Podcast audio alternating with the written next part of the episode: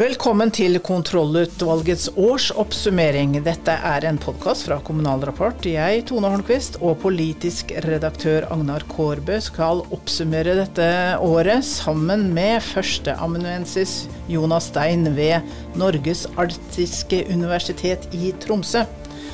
Kan dere oppsummere dette året i én setning? Agnar? Det var det året det var så bratt, spesielt for Arbeiderpartiet og Senterpartiet. Og du Stein, hva vil du si?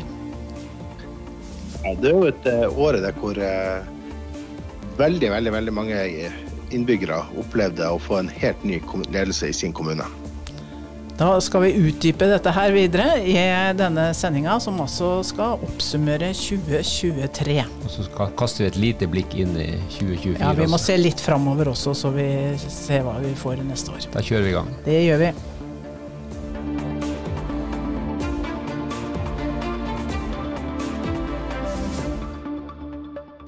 Som venta så tapte Arbeiderpartiet og Senterpartiet mange ordførere og stor oppslutning ved det valget her. Høyre ble landets største parti og har nå ordførere i de mest folkerike kommunene, og de, og de har også de fleste fylkesordførerne. Hvor eh, smertefullt er dette for eh, regjeringspartiene? Stein først, hva tror du? Nei, altså må vi må jo huske at 2019 også var et veldig dårlig valg for Arbeiderpartiet. Eh, men den store forskjellen fra 2019 og 2023 var det at på tross av at Arbeiderpartiet gjorde det såpass eh, dårlig, så gjorde en del av samarbeidspartiene det veldig bra, og kanskje spesielt Senterpartiet. Som gjorde at Arbeiderpartiet endte opp med å få ordføreren veldig mange steder. Ikke sant? Den vant byen de aldri hadde vunnet, nesten, nesten ikke hadde vunnet før, som eh, Stavanger og, og til og med Kristiansand. Eh, mens, eh, og nesten alle de store kommunene. Men nå har tilbakegangen fortsatt for Arbeiderpartiet. Senterpartiet er tilbake til normalen. Og de andre små eh, partiene på venstresida har ikke nok til å kompensere for det. Og det gjør at, eh, at eh, fra, God, fra altså, de mista veldig mange ordførere. Ble akkurat litt større enn Høyre når det gjelder antall ordførere. Men eh, mister da altså Altså, nå har Høyre eller Frp ordfører i 19 av de 20 mest folkerike kommunene. Det er kun Tromsø hvor jeg sitter hvor Arbeiderpartiet har ordføreren. Og klart, det smerter veldig, veldig, veldig mye. Kan det påvirke regjeringssamarbeidet videre? Hva tror du, Stein? Ja, altså Det har jo påvirka regjering altså, til en viss grad allerede. At du har gjort ganske store regjeringsrokader. Du har fått inn altså Det er jo veldig mange for det var en stor utskifting nå her eh, i eh, oktober, var det vel. Og der har du prøvd å få inn en del populære ordførere som, som Kari Nessa Nordtun og, og, Toro Sandvik skal inn som statssekretær. Uten at det foreløpig har gitt noe løft på meningsmålingen. Og så tror jeg vel at den regjeringa som sitter her nå, den, den, kommer til å bestå til 2025. fordi det er ikke noe alternativ, for alternativene er mye dårligere for både Arbeiderpartiet og Senterpartiet, sånn som det ser an nå. Mange i Arbeiderpartiet mener at Senterpartiet har fått for store gjennomslag. Hva betyr det, Agnar? Jeg tror vi får et, en, en, tøffere tone mellom Arbeiderpartiet og Senterpartiet. Og at eh, noe av den diskusjonen som har foregått på bakrommet, som ikke har kommet så mye ut, den vil uh, utspille seg i det offentlige rom i noe sterkere grad. Vi har jo fått en forsmak i diskusjonen om uh, sykehusstruktur i Helse Nord, hvor uh, Senterpartilederen undergraver sin egen regjeringskollega helseministeren ved å reise til Gravdal og komme med noen sånn halvkveda viser om at de kanskje skal få beholde sykehuset. Eh, og det gjør de jo, eller akuttberedskapen, da. Og det er jo, jeg vil jo tippe at de får, får, får gjort det. Men da ser du spenningene mellom de to partiene. Eh, og avtroppende byrådsleder i Oslo, Raymond Johansen, han formulerte jo noe av denne frustrasjonen over at Senterpartiet har fått for mye gjennomslag. At gratis ferge i distriktene er viktigere enn å enn å gjøre noe med levekårsutfordringene i de store og mellomstore byene, som jo Arbeiderpartiet har styrt, og som de nå har mista. Så jeg tror vi får en større spenning der. Men foreløpig så har jo statsministeren vært veldig sånn tydelig på at dette regjeringsprosjektet skal de uh, gjennomføre. Og som Jonas Steen er inne på, det finnes ikke noe alternativ. Alternativet er mye dårligere, og de får ikke sendt SV inn i denne regjeringa slik det ser ut per i dag. Hva sier du, Stein?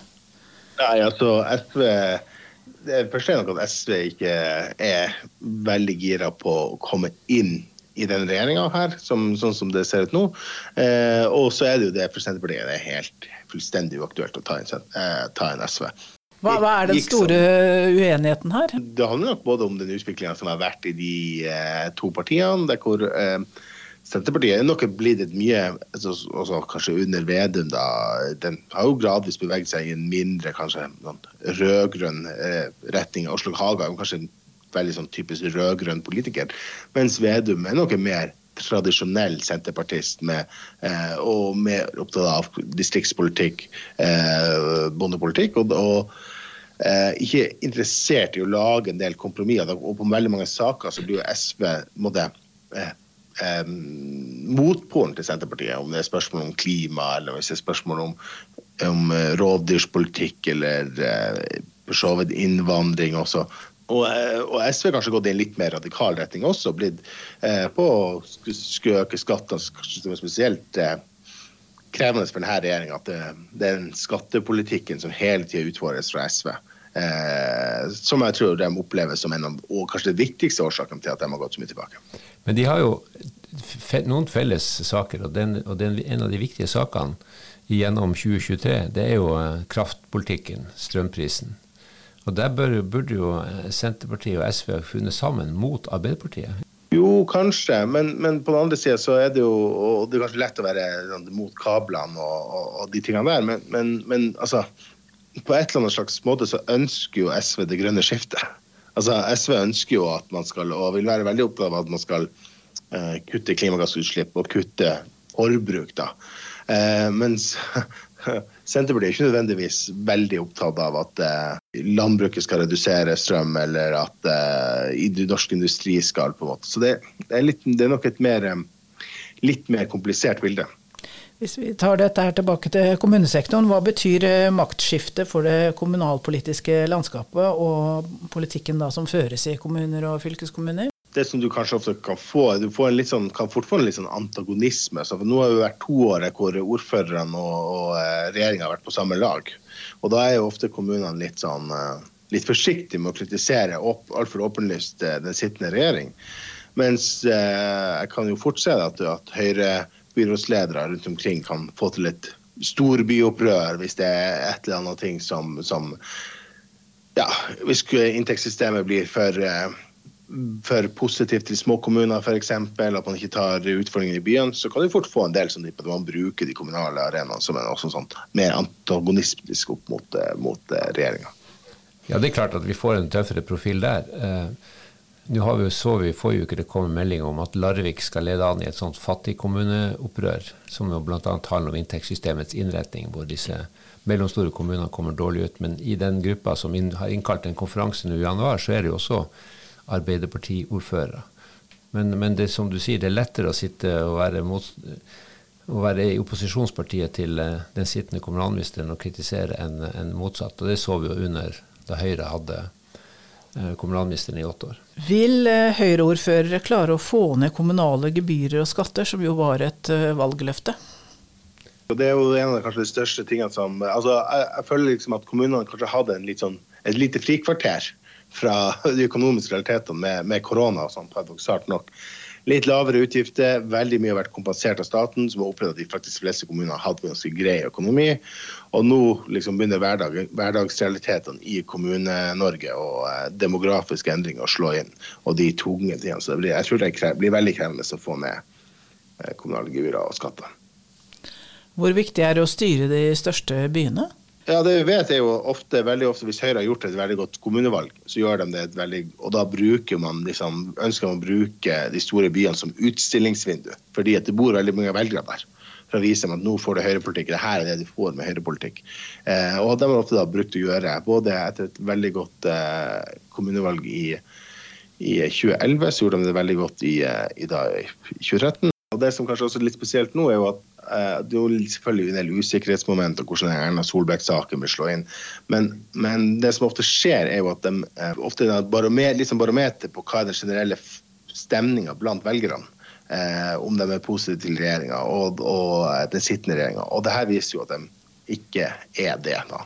Eh, og eh, Normalt sett skulle det faktisk ha vært en fordel for den sittende regjeringa, fordi at man har et, et um, har veldig mange ordførere. De hadde veldig mange ordførere som var populære. Og, de, og, Senterpartiet er jo klassisk kommuneparti da, som gjør det bedre kommunevalg enn stortingsvalg. Så nå får jo de også noen realiteter et frempek mot et kanskje svakere 2025-valg. 2024 er jo ikke noe valgår, men eh, forberedelsene til valgkampen er i gang. Hvordan vil det prege politikken i året som kommer, tror dere? Det blir jo avgjørende for regjeringa å håndtere de vanskelige sakene. men det er jo det it's the economy stupid. Så lenge renta går opp og strømprisen er høy og kraftdiskusjonen er levende, så vil jo de slite og, og, og aldri komme seg skikkelig på offensiven. Uh, og så kan de jo selvfølgelig legge frem enkeltsaker som uh, skaper en viss jubel og entusiasme, men det er, liksom, de all, det er motvind fra alle kanter for, uh, for regjeringa. Men de er selvfølgelig i gang med å planlegge valgkampen. og nå Senest forrige uke så kom oppsummeringa fra Senterpartiet fra valgkampen. Og, øh, og, da var det jo veldig sånn fokus på at det var de store nasjonale sakene som, som gjorde at den lokale sakene drukna. Og når du får sånne Melkøya-saker som legger seg som et sånn vått teppe, ikke bare i Nord-Norge, men også langs hele kysten for f.eks. Senterpartiet, så, så, er det vanskelig å komme opp med hva er liksom vinnersaken inn mot 2025. Jeg var veldig spent på hvordan denne Solbrekk-saken kom til å slå ut. da. Eh, men foreløpig har det ført til relativt lite eh, bevegelser på, på, på meningsmålingene. Og det tyder jo på at de grunnleggende strukturelle problemene altså når det gjelder for denne regjeringa, eh, er vanskelige. Og det som Agnar sier, altså det, det, dette med økonomien det er klart at det, den en renteøkninga og prisstigninga som folk opplever, og som rammer liksom langt inn i middelklassen, det, det er klart det er veldig krevende. Så da, um, da frems, det fremstår som at regjeringa har ikke helt liksom klart å kalibrere seg til at man styrer i et sånt type landskap og bare fortsatt durer på med sine liksom gamle prosjekter, uavhengig av hva som har skjedd og, og, og de realitetene. Og da opplever man ikke tar de grepene som, som trengs for å både styrke eh, den nasjonale økonomien, men ikke minst eh, økonomien til eh, lommeboka til folk flest. Noe helt nytt som har skjedd eh, i år, er jo INPs eh, framvekst. Og vil det holde den oppslutninga de har fram til, til, valget i 2025? Så lenge strømprisen er høy og kraftdiskusjonen levende, så vil det det? Det kan jo gjøre det, men ut, utfordringa for INP det er jo det at nå har de kommet inn veldig mange steder. Eh, og så er spørsmålet får de gjort noe. Altså Det blir veldig lett, altså, og jo nærmere, Hvis de begynner å nærme seg sperregrensa, så vil de jo også bli utstilt for mer kritiske spørsmål.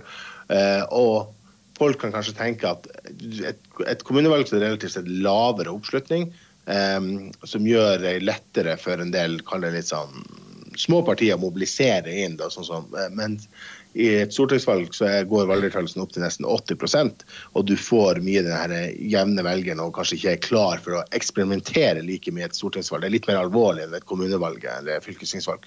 Men er det ikke, så det er ikke sikkert. Men du som kjenner valgforskinga, er det ikke alltid et marked for en viss sånn populistiske dragning? Og i Norge har vi jo, jo, jo. vært forskåna for de der ekstreme utslagene. Vi hadde Senterpartiet som, som henta en, en, del velgere på en frustrasjon mm. Eh, knytta til sentralisering og sånn. Men, men, det er jo alltid et lite marked der, og vi snakker jo her om å, å komme seg over 4% vi visste hvor krevende det har vært da, for uh, f.eks. MDG, som ennå ikke har klart det, eller Rødt, som har klart det én gang, og som nå begynner å slite.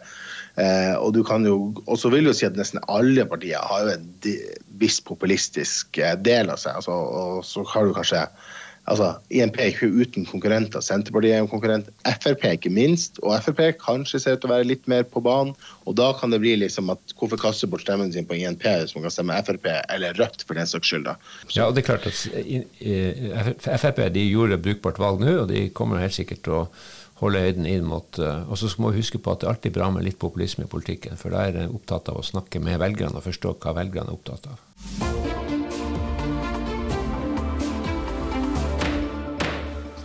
En måte å oppsummere det politiske året 2023 på, er å se hvilke offentlige utredninger som er eh, avgitt. Og det er jo kommet eh, ganske mange tunge NOU-er, eh, generalistkommunen, forsvarspolitikken, totalberedskapen, helsepersonell, energibehovet, skolepolitikken og vurderingsformer, omstilling til lavutslipp, barnevern og funksjonshindringer i samfunnet, for å nevne noen. Eh, avspeiler den politiske debatten de utfordringene som beskrives i disse NOU-ene? Ja, det syns jeg. Det er jo Jeg elsker jo NOU-er. Det er jo en, en kilde til mye innsikt, og så er det jo alltid noen politiske forslag der som noen er urealistiske, og noen er mer, møter en mer realistisk uh, verden. Men de, du får jo gode beskrivelser. Så får du gode diskusjoner om de beskrivelsene. For vi må huske på at NOU-ene sitter jo ikke med fasiten. Det har vi jo sett med Helsepersonellkommisjonen, som har vært mye diskutert. En kjempeutfordring for kommunesektoren. Hvor det ikke er alle som kjøper den der eh, beskrivelsen deres av eh, at det ikke er mulig å hente inn flere folk inn i den sektoren. Det er vel en nesten 30 NOU-er som har kommet i år, så, så, har du et godt bilde av hva Norge står overfor. Ja, nei, vi er jo heldige som har NOU-systemet i Norge som, er, som, som eh, gjør at man får gode, ofte gode kunnskapsgrunnlag for å føre et offentlig ordskifte. Og så er det jo sånn at noen er, blir jo mer heit potet enn andre. Eh, og andre er jo store, komplekse ting som man ikke finner noen enkle løsninger på. Men derfor er det greit å ha beskrevet de utfordringene som finnes der. Hva, hva ser du som den viktigste NOU-en i år? det blir jo litt sånn uh, altså Alle de her er jo viktige. Altså, klart, altså, du ser jo altså, du ser energipolitikk, hvordan, hvor viktig det er da, å få til, å få til det her grønne skiftet som alle skal snakke om. At, at det er ikke bare å trykke på en knapp. Og det er klart Forsvarspolitikken eh, etter, eh, etter eh, invasjonen i Ukraina har jo blitt, fått et helt annet betydning for, uh, for uh, ja, oss, oss, i Norge, og spesielt oss som har Russland som, som nær nabo. Kan utredningen fra generalistkommuneutvalget gi oss en eh, debatt om eh, utfordringene en del kommuner eh, har innen det å innfri lovpålagte tjenester f.eks.? Ja, det får jeg håpe.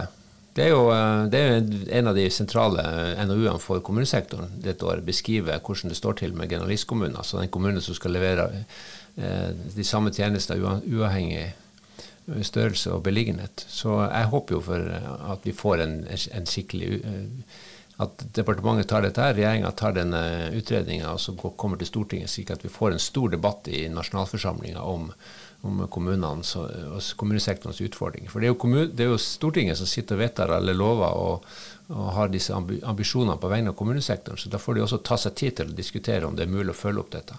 De, de, de, de utfordringene som beskrives, er jo ikke nye, da. Ikke sant? Det er jo, det er jo, på en måte, bakgrunnen for at man hadde en, en kommunereform der man gjorde noe, men kanskje ikke Jeg tror det vil sitte langt inne for denne regjeringa å, begynne, begynne å snakke om, om disse strukturene. Altså, det er jo en sånn stor elefant i rommet som man prøver å tenke at det kan gå over hvis man bare kaster noen penger på det. Men det, det gjør jo ikke det. Nei, jeg tror ikke vi får en stor kommunestrukturdebatt, for den må det må vokse fram over tid, men vi må ikke komme, kommunesektoren og, eller politikken må ikke komme på, komme på bak, eh, bakbeina her. Fordi at nå er det sånn at som du sier, nå har kommunene kanskje hatt et frikvarter. Økonomien har vært i stort ganske bra, og nå begynner det å dra seg til. og Da får vi, får vi, får vi så blir dette spennet i kommunelaget blir tydeligere. Og da må vi ha en idé om hvordan vi skal håndtere dette. Vi kan ikke bare løse det med milde gaver eller å ikke gjøre noe med inntektssystemet. Sånn. Da, får du, da får du tøffere diskusjoner. og, og det, Her må vi da ha en politikk. og så tror ikke jeg svaret på det er en storstilt kommunereform. Noen eh, samarbeidsformer må vi ha for å løse de avanserte tjenestene. Vi må jo også huske på at kommunen skal ivareta et lokaldemokrati, en lokal samfunnsutvikling, som av og til står litt i motstrid til dette tjenesteproduksjonstrykket. Men det er jo også da påfallende altså, som ikke engang har noe med struktur å gjøre, men bare fordeling av de inntektene som kom fra kraft og på det. Der man foreslå en viss altså, forskyvning av disse. Og det ble jo skutt ned med en eneste gang. altså Idet rapporten ble, ble, overlevert, så hadde vel hva det var Gjelsvik som var statsråd da, eh, så det var helt uaktuelt. Eh, og det, og det kommer bare til å bli enda mer. for du kan si det Som en del av det her grønne skiftet så får du to altså Du ser jo nå vindkraftkommuner og ikke minst også havbrukskommuner som en del av den grunnrenteskatten som også sitter hjemme med. Så du får et enda større, at du får et strekk i lag ikke bare om store og, større, store og små kommuner, men også mellom si, rike små kommuner og fattige små kommuner, som blir mer og mer tydelige, tror jeg, da, i, i årene som kommer. Den spenninga vil jo materialisere seg i de to regjeringspartiene, men også til en viss grad ja. i Høyre, som jo da sitter med mange ordførere. Du, Stein, du satt jo i dette demografiutvalget som var leda av Viktor eh, Nordmann, og der eh, beskrev hvordan demografiutviklinga blir framover, med, med, flere eldre og færre og yngre, og spesielt da en forgubbing i Distrikts-Norge. Har du inntrykk av at den utfordringa har sunket inn blant landets politikere? Vi, vi kanskje opplevde at, at det her traff kanskje en sånn nerve av det her er sånn som virkeligheten faktisk ser ut rundt omkring i, landet. Satte enorm pris på at det ble løfta inn i, et, eh, i, en NOU og, og beskrevet kanskje litt uh, akademisk og, og, byråkratisk med grafer og tabeller, men det er en virkelighet som folk kjenner seg igjen i, og, og utfordringen. Og vi da så kom med noen forslag, og det er også en sånn utfordring når du skriver en NOU, at du må prøve å ha forslag og, og ting som, som, kan fungere.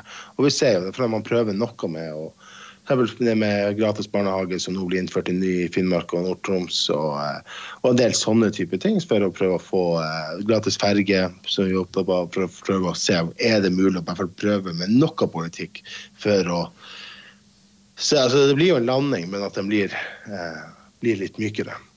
Vi får se om det er nok. Det, det, det vet vi ikke. Ja, for den, eh, den eh, NOU-en, den, som du sier, den har jo ført til mye debatt. og Vi er jo på noen av de samme konferansene, og der snakkes det om dette. her, og Jeg vet jo at kommunestyrer, kommunedirektører diskuterer dette, er opptatt av det. men og så har vi jo hatt en, kommer det et par stortingsmeldinger nå i år, og den ene altså om distrikt den har jo vært, ble jo nylig diskutert i Stortinget. Men da er det jo, en, er det jo, det er jo ingen som følger med i den debatten på dette tidspunktet. Nå er liksom det over. Så jeg lurer jo på, liksom, har dette satt seg slik at eh, ja, det er iverksatt noen tiltak, men har vi fått en diskusjon om de der strukturelle utfordringene?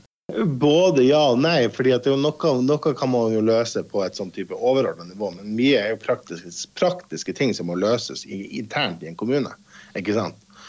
Eh, men det som, det som, bekymrer meg litt, er jo at en av tingene vi påpeker ganske mye, er at du behovet for eh personell kanskje utdanning kanskje spesielt i helsesektoren da, om 10-15 år. Og så ser du at søkertallene til sykepleierutdanninga bare dropper ned noe så grassat. Det er bekymrende. Det, det, det, viser kanskje at selv om man snakker om det på konferanser, så når man kanskje ikke ut til ungdommen når man skal ta en del yrkesvalg eller, eller utdanningsinstitusjonene for å som, sørge for at du får økt rekruttering. For du må utdanne dem nå må du utdanne dem som skal jobbe om 10 15-20 år for å få det her til. For Problemet i Norge kommer ikke til å være penger, det kommer til å være folk. Og det er det som egentlig vi må, må begynne å innse på veldig mange områder.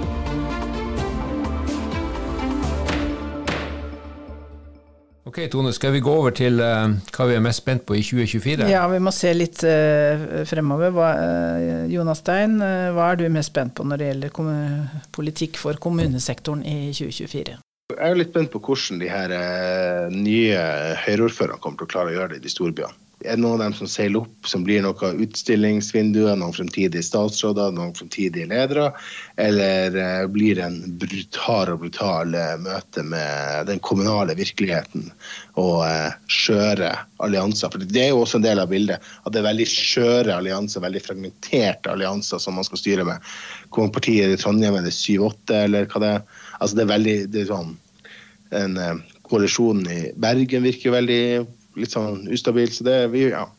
Jeg tror vi får se en styringsslitasje hos Høyre-ordførerne, selv om det er, som Jonas Steine var inne på tidligere, du, du, du har et uh, mulighet for å bygge, opp, bygge, bygge, partiet opp inn mot valget 2025. Så er det et fragmentert politisk landskap, og nå har vi jo sett uh, budsjettarbeidet i de tre største tre fire av de største kommunene har vært komplisert for de nye Høyre-byrådene i Bergen og Oslo og den nye Høyre-ordføreren i Trondheim. Så de må liksom eh, de må snurpe sammen til et budsjett. De får kanskje ikke den styringskrafta som de ønsker. Og de skal deale med masse småpartier som har, alle har litt spesielle ønsker. Så jeg vil jo tro at de får noen eh, De får kjørt seg. Og, og hvis byrådslederen i, i, Bergen sitter gjennom det hele året uten at de må uh, gå av, så, så, blir jeg imponert. Altså. Nå skal jo Trondheim innføre parlamentarisme, så der blir det også spennende å følge. Og inntektssystemet, altså revidering av inntektssystemet, blir jo årets store sak, tror du ikke det? Det blir, eh, det blir den store, den store, store, saken hvor eh, regjeringspartiene får kjørt seg. De skal bli enige eh, seg imellom, og de skal bli enige internt. For det er jo store spenninger mellom kommunene. Det har vi jo sett hele tida. Den debatten har aldri helt kommet opp. I utgangspunktet så er jo det et nullsumspill. Men så foreslo det et utvalg som kom i fjor, som Jonas Stein var inne på, å ta inn noen av disse ekstrapengene som naturressurskommunene har fått for å få litt mer penger inn i systemet. Og Det ble jo da avvist brutalt av uh, Senterpartiet, for så vidt med dekning i det som står i Hurdalsplattformen, så de har jo sett på det tørre. Men det er klart at det her, uh, her får vi det, det, blir tøffe tak. Så det er ingen som kommer til å bli fornøyd med den Eh, det, det vi får, får, presentert i mai, når, eh, når eh, departementet, kommunalministeren, legger fram dette i forbindelse med samme dag som revidert nasjonalbudsjett og kommuneproposisjonen. Det har vel vært planen. Vi får se.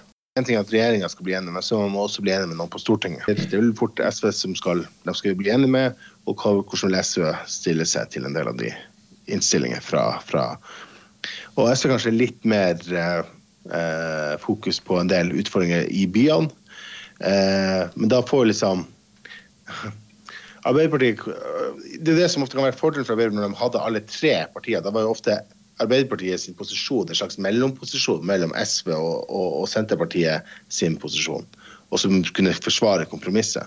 Mens nå må Arbeiderpartiet først ta støyten med å bli enig med Senterpartiet og legge frem noe. Og så er det SV som får all æren for å forhandle den i rødere, mer urban retning enn det eh, Arbeiderpartiet. Og så får de all kritikken. Så det er en krevende situasjon. Kan det tenkes at uh, Arbeiderpartiet er interessert i å få Høyre med på et forlik om dette her? Eh, det vil de sikkert ha likt, men uh, det tror jeg ikke Senterpartiet ville likt. Jeg tror ikke de, det, altså, jeg tror Arbeiderpartiet ville vært veldig interessert i å få et bredt forlik om, om dette. Men, men, men det tror jeg ikke Senterpartiet er, da, for det er jo mye ja, Nei, det er de som legger det fram. Det er jo deres statsråd som legger det fram. Ja, det var alt for i år det, Hagnar. Det var ikke lite. Det er bare å gå tilbake i vårt rikholdige arkiv og kose deg med podkastsendingene gjennom hele året. Ikke minst alle intervjuene med de unge ordførerkandidatene. Mange av dem smatt jo inn i ordførerstolene også. I studio under denne oppsummeringa av det innholdsrike 2023 var Tone Holmquist og Agnar Korbe med oss på linje fra det arktiske universitetet i Tromsø var første amanuensis Jonas Stein. Ansvarlig redaktør for sendinga av Kommunal Rapports publikasjoner er Britt Sofie Hestvik. På gjenhør etter nyttår.